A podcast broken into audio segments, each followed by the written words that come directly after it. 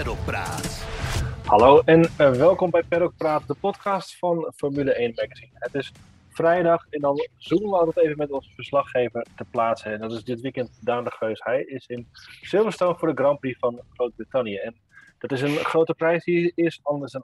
Het verhaal is bekend. We rijden dit uh, weekend voor het eerst de sprintkwalificatie. En daar werd uh, vandaag voor gekwalificeerd. Dus het was een kwalificatie volgens het reguliere format, maar we mogen niet spreken van uh, de pole position.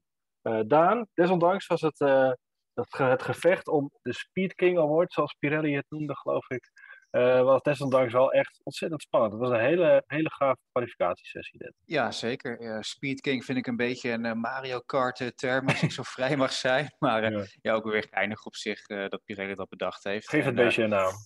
Exact. En het, wat je zegt, het was een uh, schitterende sessie. Uh, geweldig gevecht tussen Hamilton en Verstappen. Hamilton die eigenlijk de rollen opdraaide, omdat Verstappen natuurlijk na de training wel heel sterk leek. Ja, uh, ja en, en gewoon als dit een normale kwalificatie was geweest, dan was dit uh, wel een van de betere van het jaar, denk ik. Ja, ja het, het, het, is natuurlijk ook het circuit. Hè? Dat brengt wel echt het beste in, in een coureur boven. Ja, absoluut. Het is natuurlijk een circuit dat alle coureurs eigenlijk heel goed kennen. Omdat je hier heel veel race in de opstapklassen. Er, er wordt af en toe getest. Uh, voor zover ja. dat nog mogelijk is natuurlijk. Uh, ja, en de Formule 1 is er elk jaar wel een keertje. Dus dat speelt zeker mee. En ook wel grappig om te zien dat je dan toch nog een soort van thuisvoordeel hebt voor uh, ja, de heren Hamilton en Russell met name. En Norris natuurlijk ook nog, werd ook aangemoedigd. Het is wel echt een geweldige ja. sfeer hè, vandaag. Ja, dat is super. Uh, of het allemaal COVID-proof is, uh, weet ik niet. Officieel gaan de maatregelen er hier uh, maandag af. Dit is een soort test-event. Okay. je krijgt de indruk dat het vanuit de organisatie inderdaad wel in goede banen wordt geleid. Maar het blijft natuurlijk gewoon zo dat je met ja, tienduizenden uh, mensen op een uh, redelijk, uh, ja, het is een groot terrein moet ik zeggen, maar ze komen wel allemaal bij elkaar op het trein natuurlijk, op de tribunes, op de grasveldjes, bij de, de, de hotdog-stands. Ja, er wordt, er wordt ook zo mooi gejuicht, vind ik, op Silverstone. Ja, absoluut. Het is schitterend. Het, het mooie is ook dit mediagebouw waarin wij zitten, dat is een soort, ja, bunker wil ik het niet noemen, maar het is wel redelijk hermetisch afgesloten, voelt het. Maar alsnog hoor je gewoon die fans juichen als Russell bijvoorbeeld zijn rondje afmaakt, weet je wel. Dat is ja schitterend. Die sfeer is echt uh, geweldig. Daar, uh, daar kun je op weinig andere circuits aan, uh, aan tippen. Ja, het was ook zo'n goede sfeer dat zelfs Lewis Hamilton, die dan zo zijn nou bedenkingen had in aanloop naar deze Grand Prix, van nou is het allemaal wel verantwoord en ik hoop dat iedereen zijn maskertje meeneemt. En mm -hmm. je zag gewoon aan hem, het moment dat hij uit de auto stapte en zijn helm afdeed, hij hoorde het geluid en ook zelfs hij was uh, geweldig. En hij was, het leek alsof hij het helemaal vergeten was. Zijn hele nou ja, bedenkingen die hij had uh. Ja, weer echt een ouderwets sportevenement wat dat betreft. Hamilton rende zelfs nog één of twee keer terug uh, naar de hekken, volgens mij, om een beetje Castro-Neven-stijl in te klimmen. en dat was wel heel, wel heel mooi om te zien. En we weten van hem, hij bedankt altijd natuurlijk de fans, best fans, dit en dat. En hier op, in Engeland voelt dat ook gewoon heel welgemeend van hem uit. Ja, wat ik in mijn inleiding zei, hè, we mogen dat geen pole position uh, noemen. Dat we Verstappen straks dus vanaf de eerste rij tijdens de, uh, voor de sprintkwalificatie. Sprintrace mogen we zelfs ook al niet zeggen van de, van de Formule ja, 1. Klopt. Hè? Dat, uh, we, we, kregen ja, een beetje, niet, niet officieel edict of zo, maar via via ja. is toch wel duidelijk dat het, vooral de, de, de FIA en ik denk ook wel de Formule liever niet hebben dat we het een sprintrace noemen.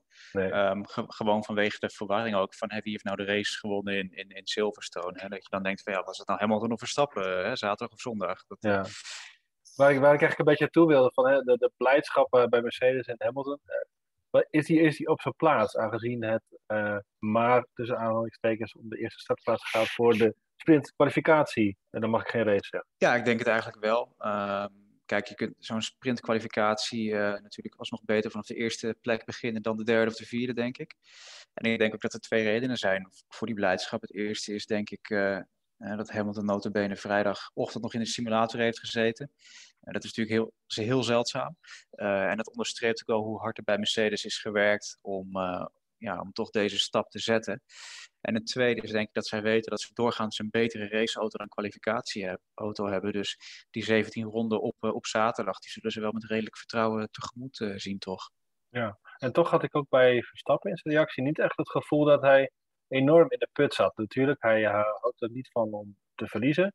Um, hij klaagde over vooral onderstuur, geloof ik, in de laatste uh, sector. Hè. Zijn banden werden aan het einde van de ronde te heet, waardoor hij dus net even niet dat verschil kon maken in die laatste bochten.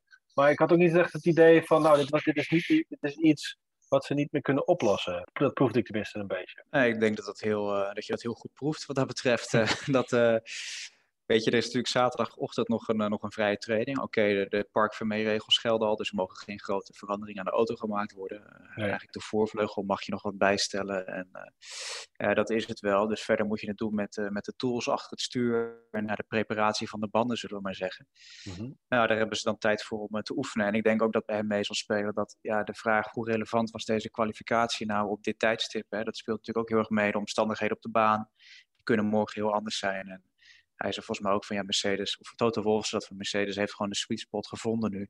Maar ja, dat moet je ook uh, zaterdag en zondag nog maar eens uh, kunnen doen. Aan de andere kant, bring it on, toch? Als uh, allebei de teams de sweet spot hebben gevonden. Volgens mij ontlopen die auto's elkaar dan ook nauwelijks geweest. Dus het belooft alleen maar mooie sport te worden. Absoluut. Verstappen zei het zelf ook voor het weekend al. Van, het is eigenlijk closer dan de, de stand in het WK doet voorkomen.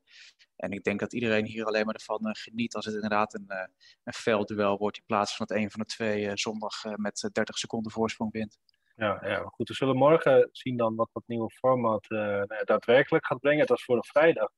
Voor een vrijdagse begrippen was het, was het prima in ieder geval, qua spanning. Nog even iets anders qua nieuwe, nieuwigheden, ook voor volgend jaar. Uh, de nieuwe auto voor 2022. Er werd gisteren een, een soort conceptmodel werd er het rechte stuk op gereden. De coureurs mochten daar in een rondje omheen staan voor uh, een eerste reactie.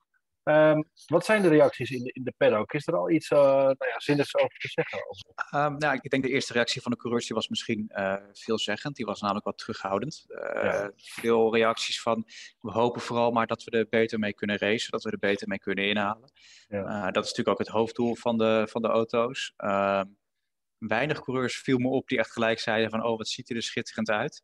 Um, ik denk als je bijvoorbeeld in een Amerikaanse sport nieuwe auto's introduceren, dan zou dat met een stuk meer Hosanna gebeuren wat dat betreft. Ja. Um, maar dat even terzijde, ja, de reacties zijn afwachtend. Eigenlijk iedereen heeft zoiets ook van laten we kijken nou begin 22 of het inderdaad zo is. Ik sprak heel kort met uh, Ross Braun, de sportief uh, directeur van de Formule 1, als je het zo mag noemen.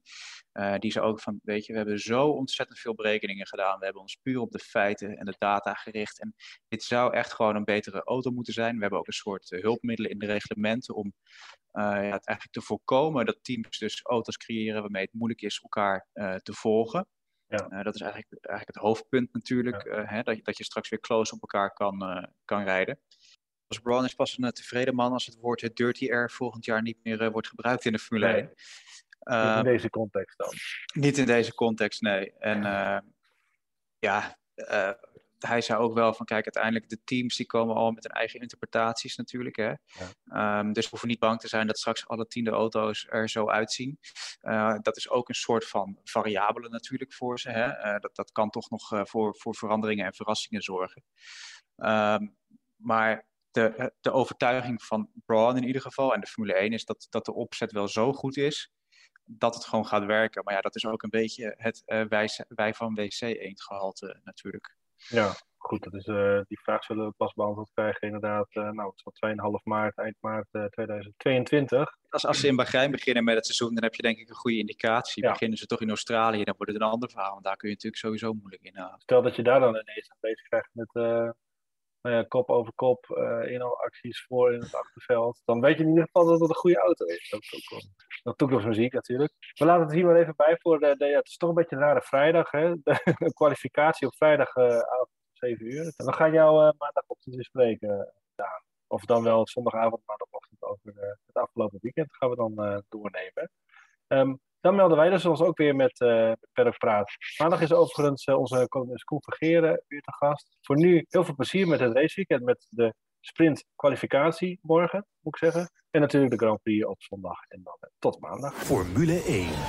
Pedalpraat.